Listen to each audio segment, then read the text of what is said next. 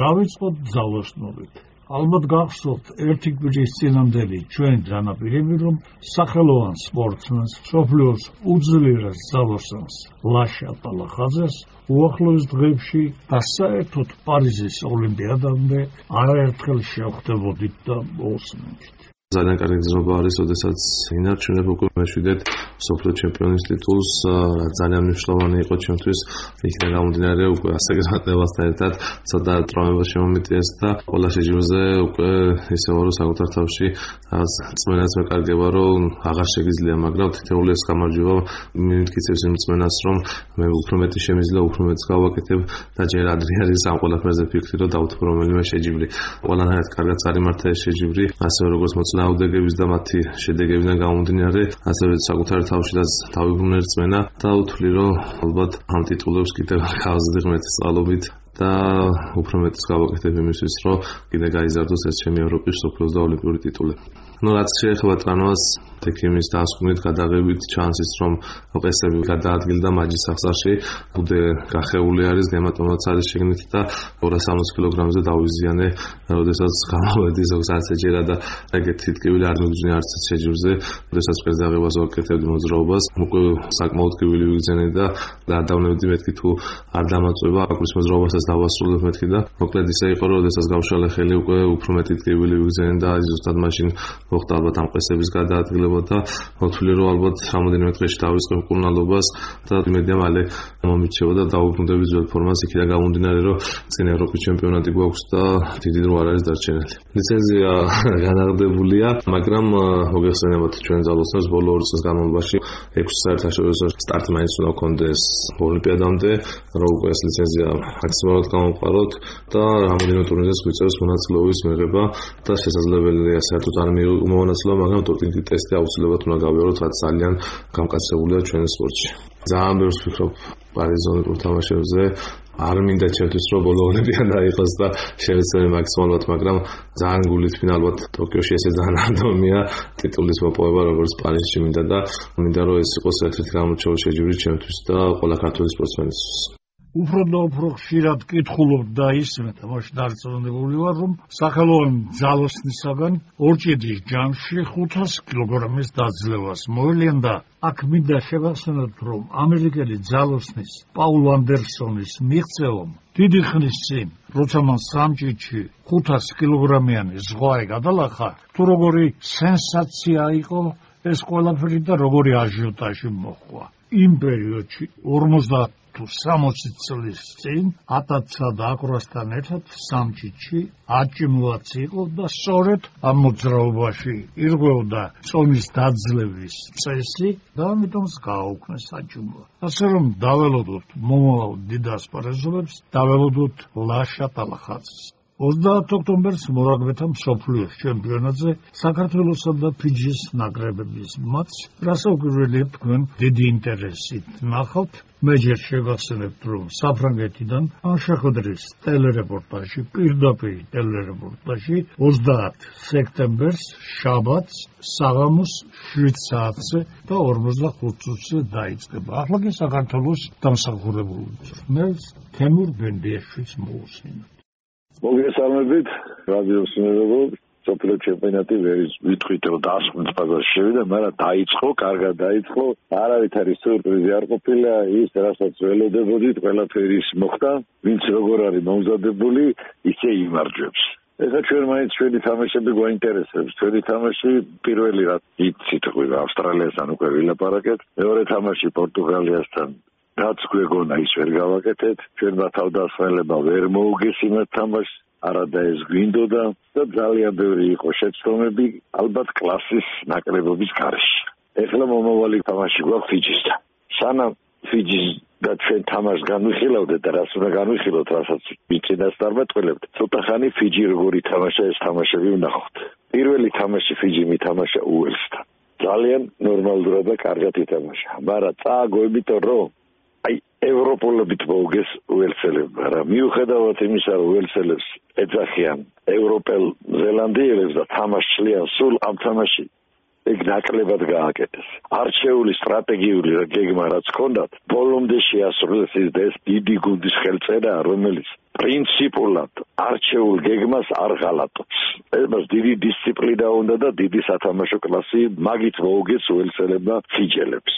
ფიჯელებმა ძალიან კარგად ითამაშეს ავსტრალიასთან მოუგეს თამაში ავსტრალიის გუნდი ისეთი არ არის ჩვენ როგორ გონა ახალგაზრდები არიან და ძალიან ბევრი რამე ვერ გააკეთეს.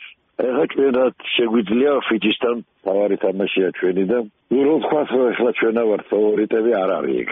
მაგრამ ჩვენ შეგვიძლია წარმატების მიღწევა, შეგვიძლია წარმატების მიღწევა თუ ჩვენი თავდასხმელები არა მარტო გაუჩერდებიან, არამედ მოუგებენ ფიჯის თავდასხმელებს და სწორი ტაქტიკა იქნება და ითამაშებ ძიმე მოტამაშეები. განსაკუთრებით მნიშვნელოვანი იქნება ჩვენი პირველი ლინიის თამაში. ძალიან ცუდია რომ დაგვიმტრა ისეთი მოთამაშე როგორც არის გორგოძე, იმიტომ რომ მაგას უნდა გაეკეთებინა ძალიან ბევრი და მნიშვნელოვანი საქმე ამ თამაშში. ნუ რას იზავ ხა დანარჩენი რა გეგმას ავიცოთ ახლა? მე არ ვიცი მაგრამ გეგმა უნდა შესრულდეს. გადახვევა არ შეიძლება სტრატეგიიდან ამაშია გუნდის კლასი და დისციპლინა. რა დისციპლინა მარტო ის არ არის რომ ჯარიმები არ აიღო და აბრეული ვიბინო თამაში შენი ადგილი რომ ეცოდე და რა უნდა გააკეთო? ზუსტად იმ ადგილზე და ვიც სად უნდა მიეხმარო ეგ უნდა ზუსტად იწოდება თუ შევძელით ეგა თამაში გამოჩდება რა. ესე ფიჯის გუნდი ძლიერი გუნდია. მიუხედავად იმისა რომ 7 წლის წინ ჩვენ ერთმეერი გუნდები ვიყავით ჯენოსოფლიო ჩემპიონატში. ნუ როგორ თქვა ახლა, აი ამ 7 წლის განმავლობაში ხა თუ რამე დიდი განსხვავება მოხდა, იქ გამოჩნდება რა. თუ ერთნაირები ვიყავით, ახლა რაღაც ერთნაირი თამაში უნდა იყოს. თუ რაღაცა სხვა მოხდა და მაშინ ვიტყვით რომ ის გუნდი, რომელი გუნდიც გამოიმარჯვებს, ნაყოფიერად გაუტარებია 7 წელიწადი და ეგ იქნება რა ჩვენი თელი შრომის ამ წვალების ნაყოფი და დანახვა ახლა უნდა იყოს ფიჯისთან. კიდე მინდა რამოდენიმე სიტყვა გითხრათ დიდი გუნდები ერთმანეთს ეთამაშა. ამ ჩემპიონატზე ერთი ხო იყო საფრანგეთი ზელანდია და ძალიან გვასეაუნდეს ის კიდე არის ხო ისეთი თამაში სადაც ყველაფერი აჩვენეს. კიდე ძალიან კარგი თამაში იყო უელსი ავსტრალია. მაგრამ ეხლა მინდა ვილაპარაკო სამხრეთ აფრიკას და ირლანდიის თამაში ეს იყო შეიძლება ითქვას ფინალი რა შეიძლება ითქვას. ესეთი დიდი დაძაბული რეგბი მარტო სოფლიო ჩემპიონატებზე ესეთი თამაშები და მარტო მაშინ როცა ძალიან ჭირდებათ ორივე გუნდს. კი, მოუგვეს, ძალიან კარგია რომ შეძლეს მოგება, მაგრამ ვერ ვიტყვით ახლა ირლანდიელებმა რომ ისე მოუგესო ახლა, იმიტომ რომ სამი ჯარება გააფუჭა სამხრეთ აფრიკა. და სულ ორი ხულით წააგ. მას კევამბო რომ სამხრეთ აფრიკა მოუგო თამაში, მაგრამ თანაბარი თამაში იყო და მაგათ შეხვედრა ჩვენ კიდევ ნახავთ მომავალში და კიდევ მაგაზე ვილაპარაკებთ. დიდი მადლობა ყურადღებისთვის. ტრადიციულად ბოლოს ფრეგმურტი და ბათუმიდან ჩვენი მმართველი დია ცანავა. ივესალმები ჩვენს რიოს მენელებს. და დღევანდელი საუბარი მინდა დავიწყო იტალიის ჩემპიონატით სერიას თამაშით ნაპოლის თამაში მაქვს ხედველობაში. და სიმართლე გითხრათ ველოდიბე ამ დღეს ამ თამაშს. იმიტომ რომ ფეხბურთი ასე არ ხდება. თუ შარშან კარგად თამაშობდა და ფეხბურთის თამაში იცოდა წელს დაავიწყდა გამორიცხული. ამიტომ ფეხბურთი ხდება ესეთი ჯავარდნები. თუმცა მე ვფიქრობ რომ ამის სუბიექტური მიზეზებიც არსებობს და ობიექტურიც რა თქმა უნდა მაგრამ ყოველ შემთხვევაში ის რაც იმ საღამოს ხვიჩამ გააკეთა ეს იყო ფეხბურთის აი ის დონე ის სიგულისთვისაც ბაღურებელს და გულშემატკივარს ფეხბურთი უყვარს.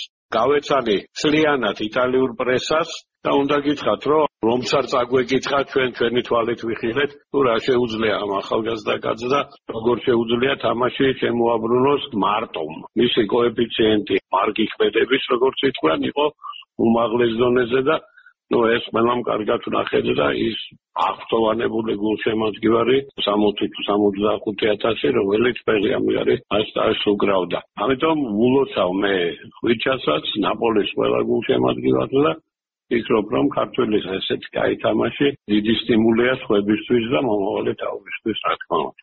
ეხლა საქართველოს ჩემპიონატზე მინდა ვისაუბრო ორი სიტყვა გითხრათ. მე ვნახე ორი თამაში ტელევიზიით, ეს იყო თელავისა და დილაგორის ამაჩი და ტორპედო მიიღო ბათუმის დინამო. თელავში რაც მოხდა, ალბათ ფეხბურთი ხდება, მაგრამ იშვიათ, აი ბოლო წამზე გამარჯვება გაიფორმა თელავმა. და უნდა ითქვას, რომ მცნელი თელავის ახალგაზრდა კაცი გიორგი მიქაძე, კარგი ფეხბურთელიც, კარგი მცნელიც გამოდგა და სერია გამარჯვებებისა არ ხდება და მე მინდა მივულოცოთ მას და თელაველ გულშემოდგილარს დიანა ძალიან კარგად ითამაშა. ახლა მინდა ათუმის დინამოსა და ტორპედოს თამაშზე გითხრათ. ტორპედო ბოლო თამაშებს კარგად თამაშობს, თუ არ ჩავხლით რომ კომულებთან პრეი თამაშა, მისი თამაშის ხარისხი საგზნობლად მომატებულია და მელოდი უფრო სხვანაირ თამაშს სიმართლე გითხრათ. ქუთაისში, მაგრამ არ ეწყინება ალბათ. ქუთაისელ გულშემატკივრებს თუ ვიტყვი რომ ბათუმის დინამომ ქუთაისი იმ საღამოს დაჯაბნა სრულიად. სრულიად და ანგარიში წამალზე მეტყველებს. ამიტომ აქ რამე კომენტარის გაკეთება შეიძლება და კიდე ერთ რამეს მინდა ხაზი გაუსვა. დინამო სერიოზული ნაბიჯი გადადგა ჩემპიონობის ბრძოლაში. ახლა აუთსაიდერში უკრას ეთამაშება და იწყება ბოლო წრე ჩემპიონატისა და მე იმედი მაქვს რომ გამარჯვები დაიწყებს და ბათუმის დინამოს 100 წლის იუბილეს ჩემპიონობით დააგვირგვინებს და მის გულშემატკივარს დიდ სიხარულს მოუტანს. ამიტომ გადაწყვეტილი რა თქმა უნდა ჯერ არაფერია, სერიოზული თამაშებია წინ და მოვლენებს მაინც ნუ გავასწრებთ, იმიტომ რომ ჩემი ქალაქის და ჩემი გუნდის გამარჯვება მინდა. ამიტომ მე ამას ვისურვებდი ასე და მთლიანობაში რა თქმა უნდა ქართული ფეხბურთის გამარჯვებას და ქართული ფეხბურთის აღზევებას. მერთმა ყველას ხელი მოუმართოს, ყველა ფეხბურთის ახალგაზრდა ბიჭებს და ვენახო ძალიან დიდი კაი ფეხბურთი და ვეხაროს ქართული ფეხბურთელების და ქართული ფეხბურთის გამარჯვება. დიდი მადლობა, კარგად გრძელდებათ.